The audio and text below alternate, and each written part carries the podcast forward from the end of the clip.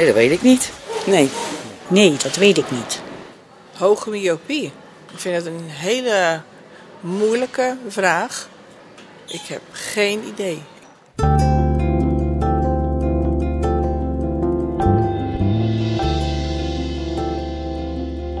Hoge myopie is ernstige bijziendheid. Daarvan is sprake bij een sterkte van min 6 of meer. In Nederland hebben circa 400.000 mensen deze oogaandoening. Mensen met hoge myopie lopen het risico ook allerlei andere oogproblemen te krijgen. Welkom bij deze vijfde een en al oog podcast van de Oogvereniging over hoge myopie, die we nu beginnen met een voorstelrondje. Ja, ik ben Gerlof Dubois, 51 jaar. Getrouwd, heel fijn. En uh, drie uh, prachtige kinderen. En ik woon in Nieuwkoop, het Groene Hart. Nou, ik ben Barbara Beukers, ik ben 47 jaar. Ik woon in Zwijndrecht samen met mijn lieve vriend Michiel. Nou, we hebben geen kinderen. Ik werk nog parttime. Ik ben Minanda Zeevaarder en ik woon in Amsterdam. Ik ben 55. Ik ben zangeres en zangdocent. Ik ben geboren in Kuala Lumpur, Maleisië. Heb in verschillende tropische landen gewoond tot mijn puberteit. Vanaf dat moment in Nederland. Tot zover het voorstelrondje. Achtereenvolgens vertellen Gerlof Dubois, Barbara Beukers en Winanda Zeevaarder hoe ze erachter gekomen zijn dat ze hoog myopie hebben. Op een gegeven moment ontdekte ik gewoon dat ik met links niet meer zo goed zag. En, uh, ik, ik, was, het was in 1999 uh, en uh, ik draag al heel lang contactlenzen. Dus ja, weet je, er zit wel eens een vuiltje op je lens of ze zijn niet goed schoon. Dus dan gaat het wel weer over. Maar ja, goed, na een paar dagen ontdekte ik wel van, hé, hey, wacht even, dit is toch niet goed. En uh, mij deed ik toen een lens uit en dan kon ik ook heel dichtbij kijkend uh, toch ook niet scherp zien. Dus toen uh, langs de huisarts, uh, die zei nou meteen naar de oogarts, want dit is niet goed. En de oogarts zei meteen door naar het oogziekenhuis in Rotterdam. Dus daar was ik snel, nou ja, daar hebben ze foto's gemaakt van mijn netvlies en bleek ik een, een bloeding te hebben. Nou ja, die was al een soort van gestopt, dus mm -hmm. daar konden ze verder ook niks mee. En ja, dan stel je de vraag van nou, is dit nog te repareren? Gaat dit over? En nou ja, nee, was het antwoord. En eigenlijk ben ik daar weer een soort van mee naar huis gestuurd van ja, leer je maar mee leven. En uh, de oogarts was wel heel erg uh, duidelijk veel als er ook maar iets gebeurt met je andere oog of als je linkeroog, ja, waar die bloeding dan zit. Als je daar nog meer dingen ziet gebeuren, verandert uh, het gezichtsveld of het wordt onscherp, dan moet je wel meteen aan de bel trekken. Ik ben daar heel goed in de oogarts ook door of in geadviseerd. Dus regelmatig controles en nog steeds. Dus dat, uh, dat gaat heel goed, daar ben ik heel tevreden over. Alleen ja, het is wel even vervelend dat het is uh, gebeurd. Ja. Ik uh, ben vanaf mijn derde bril dragend geworden. Ja. en ik begon gelijk, nou in ieder geval met één oog in de categorie hoog myoop. Want ik begon met, gelijk met min 3 en min 6 op ja. mijn derde. Dat is, dat is veel hè, als je zo jong bent. Ja, ja dat is behoorlijk, ja. Ik stond bekend om kapotte majootjes en mijn open knietjes. omdat ik altijd viel. Uh, en vanaf mijn derde is dat eigenlijk uh, uh, langzaamaan steeds slechter geworden. En ieder jaar, of ieder bezoek in ieder geval aan de oogarts kwam daar wel weer een half puntje, een heel puntje bij. Ja. Maar je hebt van jongs af aan de oogarts wel gezien? Ja, nou, voor zover ik me kan herinneren loop ik inderdaad bij een oogarts. Dus dat gaat al heel wat jaren terug, ja. ja. Het is niet zo dat, het, dat je het ineens ontdekte toen je 30 was? Nee. Nee, nee, toen ik 30 was, was daar helaas al heel wat schade berokkend uh, ja. aan mijn ogen. Ja. ja. En hoe ben je daar al die tijd mee omgegaan? Ja, op zich uh, redelijk uh, neutraal. Het was, het was een feit. ik had slechte ogen en ja, ging daarvoor regelmatig naar de oogarts. En zolang ik dat maar bleef doen, dan was het allemaal wel onder controle te houden. Eigenlijk tot uh, een jaar of uh, nou nu drie geleden ik het niet meer kon combineren met werken. Ik mijn werk echt tegen een, uh, tegen een grens aanliep. En merkte dat ik het gewoon niet meer volhield om altijd maar te blijven doen van nou er is niks aan de hand. En ik kan gewoon nog alles wat ik hiervoor gedaan heb. Toen ik tien was, had ik al een bril. En de oogarts vertelde mij dat ik beter lenzen kon nemen omdat daarmee het achteruitgaan, de achteruitgang van de ogen, um, geremd zou worden. Ik heb geen idee of dat zo is, want ik heb lenzen gekregen en het is denk ik inderdaad minder snel achteruit gegaan, maar dat weet je nooit. Lenzen plus bril, maar hoge myopie, daar had, heb ik niets over gehoord. Toen ik twintig was, had ik denk ik min 12, zoiets. En het ging gestaag achteruit. En eigenlijk heeft geen enkele oogarts, ik ben nu 55, tot mijn 54ste heeft geen enkele oogarts iets gezegd over uh, hoge myopie of myope gravior. Dat vernam ik pas twee jaar geleden. Toen ik plotseling een vlek in mijn zicht had. En ik eh, van de huisarts ochtends meteen smiddags in zonnestraal ziekenhuis terecht kwam. En de week daarop meteen in het AMC. Waar uveitis geconstateerd werd. Uh, multifocale choroiditis, oogontstekingsziekte. Toen zag ik in het rapport dat er stond myope gravior. En ik dacht, wat is dat? Nou, dat was dus progressieve bijziendheid. Ja, dat geen idee. Daar schrok ik van. Het verbaasde me eigenlijk dat ik er zelf nooit over nagedacht had. Nee, want je had er zelf nooit bij stilgestaan dat je dat wel eens zou kunnen hebben. Nee. En dus ook niet dat het ieder jaar uh, één dioptrie achteruit ging. Dat was ja, gewoon niet over nagedacht. Of, of... Zeg maar, slechtziendheid was wel iets waar je mee leefde al je hele leven? Of leeft al je hele leven? Ja, maar ik, ik had brillen, lenzen en ik, ik, ik ben ook dankbaar, moet ik zeggen, dat ik tot mijn 54ste uh, al dat uh, moois en lelijks op deze aardbol heb mogen aanschouwen. Door goede brillen, goede lenzen. Tuurlijk had je daar af en toe problemen mee. Uh, maar ik heb in principe heb ik, heb ik goed kunnen kijken daarmee. Ja, het waren geen onoverkomelijke problemen? Nee, nee, zeker niet. Nee, dat kwam pas twee jaar geleden door die uveitis. Ja, het, het, het is vaak een auto-immuunziekte, maar specialist is er heel duidelijk over dat het met uh, hoge myopie te maken heeft, omdat het oog natuurlijk uh, zwakker wordt. Kennelijk is het vaatvlies geïrriteerd uh, geraakt en daardoor kunnen er bloedvaten gaan groeien en lekken in het netvlies. En zo ontstaan die blinde vlekken, white dot syndrome. Ja. ja. Ja, je, hoort meer hè, van mensen die hoge myopie hebben, dat ze ook nog een andere oogkwaal hebben. Ja, dat klopt. Ik, ik denk het, het gevolg van, neem ik aan. Het verzwakt allemaal. Dus liggen er complicaties op de loer. Je ontdekte dus eigenlijk min of meer per toeval dat je hoge myopie hebt. Hoe is dat dan verder gegaan? Is er nog een oogarts geweest die heeft gezegd van... Uh, nou mevrouw, komt u eens hier, ga eens even met u praten... want u heeft dit en dat. Uh, houdt u daar en daar rekening mee? Nee. nee was het spreekuur nee. daar tekort voor? Ja, ja, ja, waarschijnlijk. Ja, ja. Nee, nee, absoluut niet. Het ging eh, vanaf eh, twee jaar geleden alleen maar over die uh, multifocale choroiditis, over die, die ontstekingsziekte. Ja.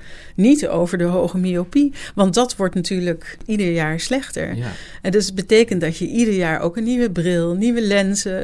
Uh, ja. Ik heb min 18 nu. En uh, vorig jaar min 17. Ja, ja, nou ja, goed. Ja. dat gaat gewoon gestaag. ja. Maar zou je wel, had je er wel behoefte aan gehad dat de mensen daar even iets over zouden vertellen? Ja, natuurlijk. Eén en al oog. En deze keer gaat het over hoge myopie of ernstige bijziendheid. Ook jij werkt? En wist je toen je deze baan kreeg dat het misschien wel eens gevolgen zou kunnen hebben omdat je hoge myopie hebt? Gerlof Dubois. Nee, het geluk wat, eh, wat ik heb is dat ik wel hoog myoop ben. En uh, mijn zicht aan één oog is wel, uh, wel echt slecht.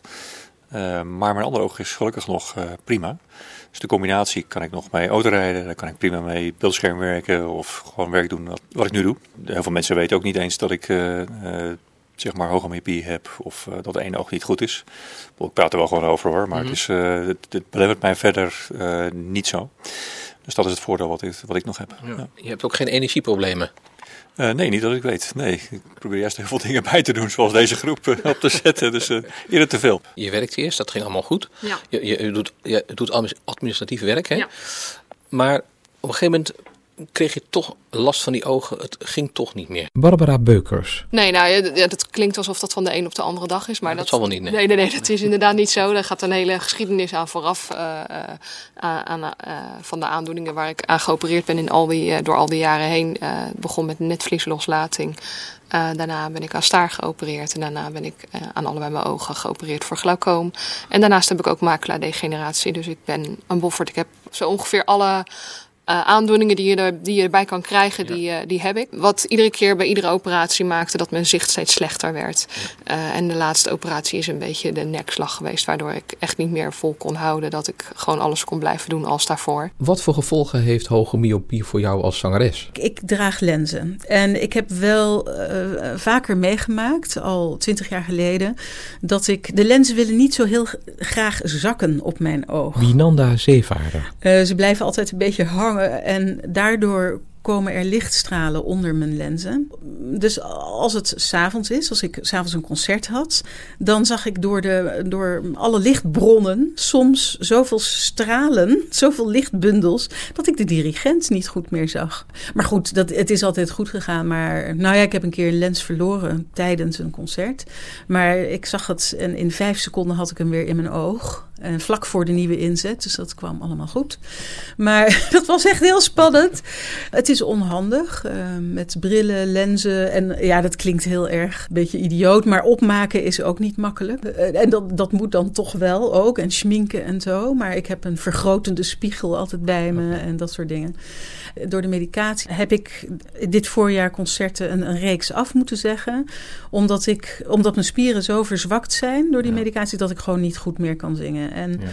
Het heeft daar wel degelijk invloed op. Ja, zeker. Ja. En ik vond dat heel, het was heel akelig, heel, heel naar. Ik heb dus besloten dat het hoog trainingsgehalte werk, dat ja. ik dat niet meer kan zingen. Ja. Uh, nou ben ik 55, dus dat kan er ook mee te maken hebben. Mijn spieren zijn niet wat ze geweest zijn.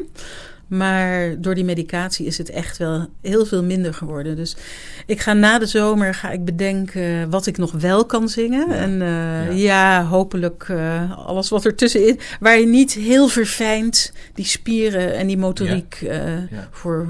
Ja. Ga je dan bijvoorbeeld ook meer lesgeven dan? Ik bedoel, is dat een, ja, in je carrière een, een verandering van op het podium staan naar meer lesgeven? Of zie ik dat verkeerd?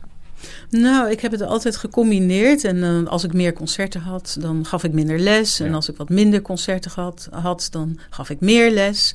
Ik, ik, geef dus les, dat, dat gaat prima. Maar het is heel vermoeiend. Want ik zit soms zes uur piano te spelen, te begeleiden. Ja. Ja. Al die noten lezen. Ik vergeet, hè, je staart enorm, omdat je niet... Welke bril moet ik op? Dat herken, herkennen veel mensen. Ik heb tegenwoordig vijf brillen, twee paar lenzen bij me. Dus welke bril... Oh nee, nee, nu weer dichterbij. Oh, nu is het zicht weer veranderd. Ja. Nou, dan maar die andere ja. bril. Of die lens, ja. of die ene lens. Ik kan me voorstellen dat, dat dat wel vermoeiend is. Dat is heel vermoeiend, ja. En ik vind het heerlijk om les te geven, zangles te geven. En ik heb ook heerlijke leerlingen. Een en al oog. Kan het ook zijn dat je slechter nog gaat zien? Ja, meestal stopt de myopie wel zo'n beetje als je uitgegroeid bent. Ja. In mijn geval. Dat ben je toch wel, denk ik? Dat ben ik ondertussen wel op 51. Gerlof Dubois. Uh, maar mijn sterkte is uh, echt wel slechter geworden, uh, ook na mijn 21ste. Ja, hou je daar ook rekening mee? Dat het zou kunnen gebeuren? Ik hou dat wel in de gaten, alleen ja, ik kan er niet veel aan veranderen meer. Nee. Ja, wat voor mij nu belangrijk is, en dat geldt voor heel veel mensen met dit soort sterktes, is echt een regelmatig controle. De controle van je gezichtsveld. Dat is een speciale test om te kijken of je, of je nog ja, ergens gezichtsuitval hebt op je, op je netvlies of in je, in je oogzenuw. Uh, regelmatig ook echt even controle door een oogarts die echt even goed in je oog gewoon kijkt. Hè, van, is het netvlies stabiel? Uh, wordt het niet te dun? Uh, kans op bloedingen, et cetera, of scheuren. Controles, dat is vooral waar ik me mee bezig hou. Ja. Ben je dan ook slechter gaan zien in de afgelopen twee jaar? Ja, zeker. Ja. Het, uh, die ontstekingsziekte uit zich in mijn rechteroog. Wienanda zeevaarder. Dat betekent dat dat zicht in dat oog is troebel. Er is, ik heb heel veel floaters, maar ook is het troebeler. is een soort sepia-tint. En ik heb littekenweefsel, dat blijft, dat gaat niet meer weg. Iedere keer als je een lekkage of een vaatgroei hebt, dan kan dat resulteren in weer littekenweefsel, dus verminderd zicht. Daar slik je hele zware medicijnen tegen. Ik heb nu sinds januari bijvoorbeeld naast mijn gewone medicijnen ook een prednison. En ja, een cocktail van drie medicijnen nu, ja, daar, daar word je niet heel blij van. Ook metotrexaat en ik heb heel veel last van de bijwerkingen. Dat hoort erbij, bij uh, uveitis. Barbara Beukers. Alles kost gewoon veel meer energie. Daar sta je niet dagelijks bij stil dat dingen zo verschrikkelijk veel energie kosten. Nee. Weet je daar ook heel erg moe van? Ik was heel erg moe, en, maar me daar niet bewust van dat ik zo ontzettend moe was inderdaad. Want je gaat maar door, want je, dat heb je altijd gedaan. En dat is je standaard. Dus je, dat, dat kon je voorheen ook. Dus waarom zou je dat nu niet kunnen? Dus het heeft ook te maken met het feit dat je in eerste instantie niet wil accepteren dat je een stapje terug zal moeten doen. En dat je, en dat je beperking je dus inderdaad echt beperkingen oplegt. En ja, die acceptatie, dat is best een lastige. En die hakt er flink in. Heeft verregaande consequenties. En heeft gemaakt dat ik uiteindelijk uh, na een traject van twee jaar gedeeltelijk ziek zijn, gedeeltelijk ben afgekeurd voor mijn werk. Een hele vervelende tijd, maar het heeft mhm. wel gemaakt dat ik nu met rust weer verder. En wanneer kwam dat keerpunt? Ja, dat in die twee jaar dat je ziek bent en veel bezoekjes ook met de bedrijfsarts hebt. En ik heb gelukkig, het geluk gehad een hele fijne, rustige bedrijfsarts te treffen die uh, mij echt op het juiste pad heeft gezet. En ervoor gezorgd dat ik echt ben gaan werken aan acceptatie daarvan. En dat is op allerlei vlakken geweest. Wat ik ook vermoeiend vind is het reizen. Wienanda Zeevaarder. Het reizen wordt, uh, ja, als ik weer in zo'n fietsenstalling hang in Amsterdam of Utrecht, dan, oh, vreselijk. Ja, het, alles kost meer moeite, omdat je minder goed ziet. Ja. S'avonds in het donker zie ik minder goed. Uh, ja. Dus eh, dat, dat wordt toch vermoeiend. Ik, ik wil dat nog niet accepteren, moet ik eerlijk zeggen. Je luistert nog steeds naar Een en al oog. De podcast van de Oogvereniging. Onderwerp is deze keer hoge myopie of bijziendheid. Je hoort opnieuw Gerlof Dubois. Waar ik wel van geschrokken ben is uh, vorig jaar toen ik dacht van nou ik... Uh, ik ben natuurlijk afhankelijk van één contactlens. Dat gaat goed, daar kan ik dus uh, goed mee zien. Maar ja, stel eens dat ik mijn contactlens niet meer kan verdragen. Er zijn altijd mensen die op een bepaalde leeftijd, ik ben 51, dus mm -hmm. dan hoor je toch wel meer dat mensen een contactlens niet meer in kunnen. Ik denk, nou ja, laat ik toch eens even een, een reservebril erbij nemen, hè, voor het geval dat. En die gingen we opmeten bij de opticien. En uh, toen schrok ik echt wel, want het bleek dat mijn gezichtsveld niet meer scherp te krijgen was uh, met, met een bril. Dus we kwamen maar tot een visus van punt 3 tot punt 5. Ja. Dat is dan even op een schaal van 1. Als je over het algemeen gewoon goed ziet, dan zie je 1 of 1.1. Mm -hmm. Dus ik kwam er een heel stuk onder. En met nog meer glaasjes zeg maar, die de opticien ervoor zetten, uh, ja, werd het gewoon niet beter. Dus ik, uh, ik stelde daar natuurlijk de vraag over. Ik zei van, joh, dat, dat doe je vast niet goed. Of uh, kunnen we niet nog een andere opticien proberen? En nee, nee, maar ja, dat heeft dan toch te maken met het feit dat je bril op een andere manier dan je contactlens ja, het beeld -hmm. op je netvlies brengt. Ja. Dus ja, beter dan dit wordt het niet, Gerlof. Toen dacht ik wel van, hé, hey, dat is wel eigenlijk wel heel spannend. want ja, je mag autorijden, ik dacht vanaf punt 4. dan moet je toch een minimaal hebben. Uh, dus ik denk, ja, als ik dus over moet gaan stappen op mijn bril, dan kan ik niet autorijden. Uh, nou, dat heeft natuurlijk wel gevolgen voor mijn werk. Mm -hmm. uh, laat staan voor al ja. alle andere zaken in mijn leven. Ja, dat heeft er wel toe bijgedragen dat ik de oogvereniging eens ben gaan bellen. En wat kreeg je toen te horen? Te horen kreeg is van, goh, je bent eigenlijk heel erg jong, Gerlof, om lid te worden van de oogvereniging. Dat was, dat was al heel grappig om te horen. Dus ik heb veel mensen die lid zijn van de oogvereniging, zijn, zijn ouder. ja, hebben zeg maar even traditioneel wat hoort bij ouder worden. Mm -hmm. Misschien last van staar, wat slechter zicht. En zijn om die reden lid van de oogvereniging. Dat is, dat is hartstikke goed uh, natuurlijk. Ik zeg, ik ben gewoon uh, hoogbijziend. En uh, toen vertelde ik het verhaal van die bril, dat ik daar wel van geschrokken was. Ik zeg, nou, ik ben eigenlijk wel benieuwd naar andere mensen die dat hebben. En uh, toen bleek daar niet een soort van groep of registratie van te zijn. Toen ging ik eens wat verder rondkijken op internet. En vond ik wel wat blogs van andere hoogmyopen die, die daarover schreven. Wat, wat voor gevolgen zijn van, daarvan hebben ondervonden. daar ben ik mee in contact getreden. Dus ja, aldoende kom je er wel achter dat je niet de enige bent. Alleen het was niet echt verenigd of zo. Nou, mijn contact met de oogvereniging ging nog eens weer aangehaald. En uh, toen eigenlijk het idee gevat van, nou ja, wat als ik dat nou gewoon eens uh, ga opzetten. Zo gezegd, zo gedaan. En uh, in december de groep gestart op Facebook. Wat natuurlijk een, een snel middel even is om mensen mm -hmm. te mhm. bereiken.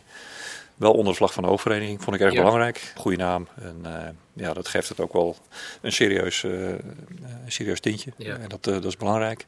Voor ook dit serieus onderwerp. En ja, wat schetste mijn verbazing. In december explodeerde eigenlijk die groep.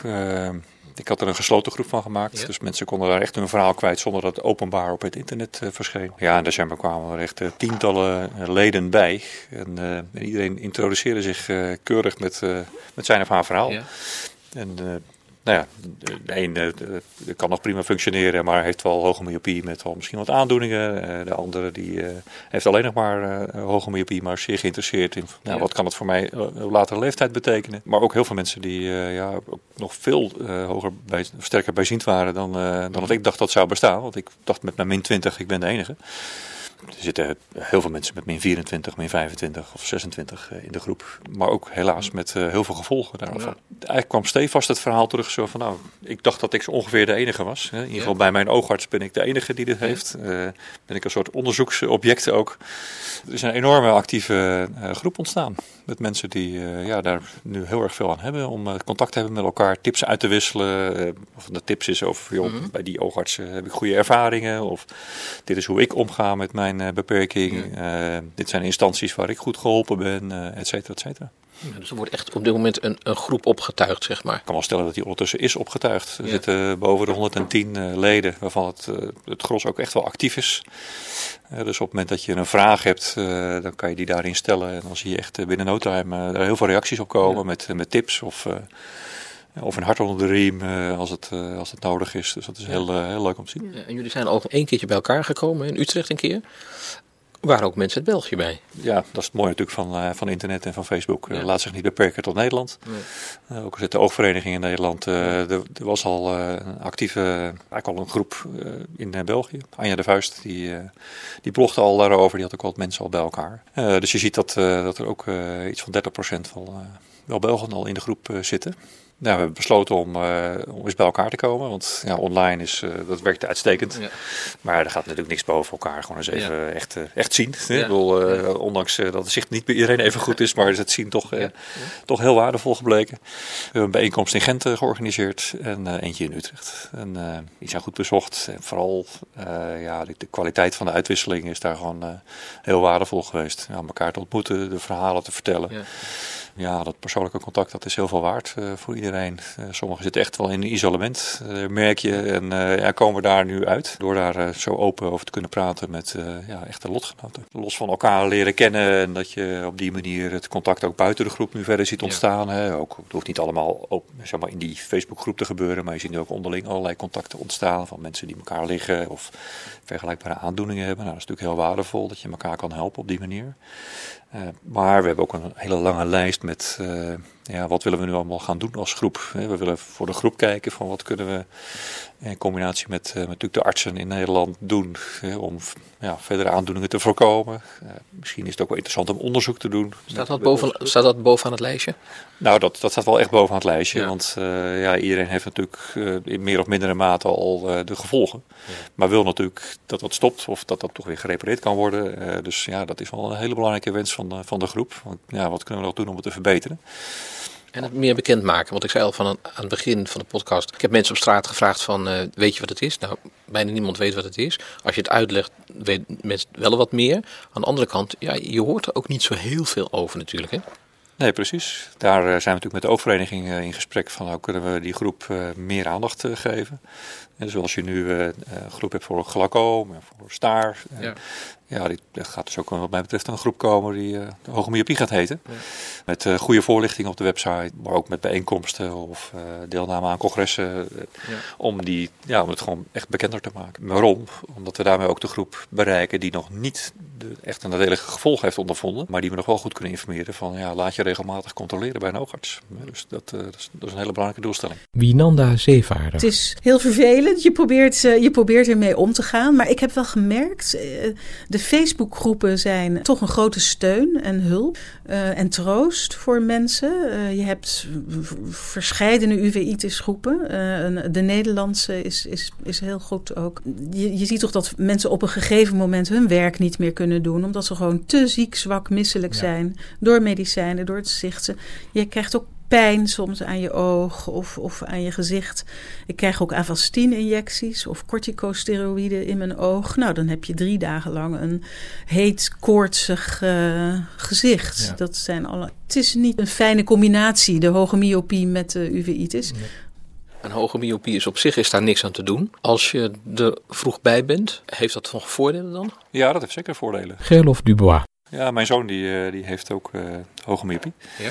Maar die is uh, 12. Die zijn we nu aan het behandelen met een, uh, een soort druppel. Waar uh, dokter Kaline Klaver in ieder geval veel onderzoek naar gedaan heeft. En die druppel die moet de toename van de myopie ook gaan afremmen. En het goede nieuws is dat dat ook wel gebeurt op dit moment bij hem. Dus dat is een, een methode die wel meer gebruikt wordt in Nederland. Als mensen meer informatie willen, waar kunnen ze dan terecht? Nou, ze kunnen uiteraard gewoon terecht bij de oogvereniging.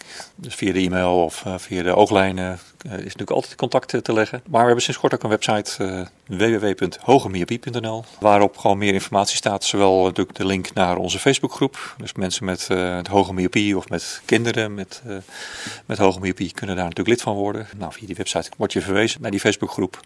Maar er staat ook meer informatie op. met name ook andere groepen zeg maar, waar op, over hoge myopie gesproken wordt. Instanties waar je terecht kan voor hulp of hulpmiddelen. Een site nog wel in oprichting, zeg maar, maar wel een heel goed startpunt is voor mensen die hier meer van willen weten. Tot zover. Eén en al oog. Voor deze keer. Redactie Oogvereniging Rut Dongor, Ines Dupuy, Martijn Vet en Carlijn de Winter. Samenstelling, interviews en montage, Krit Wilshuis, tekstinzicht audio. Wil je nog meer weten over hoogmyopie? Ga dan naar www.oogvereniging.nl slash bijziend en naar www.hogemyopie.nl of bel naar de ooglijn 030 294 5444. Graag tot een volgende 1 en al oog.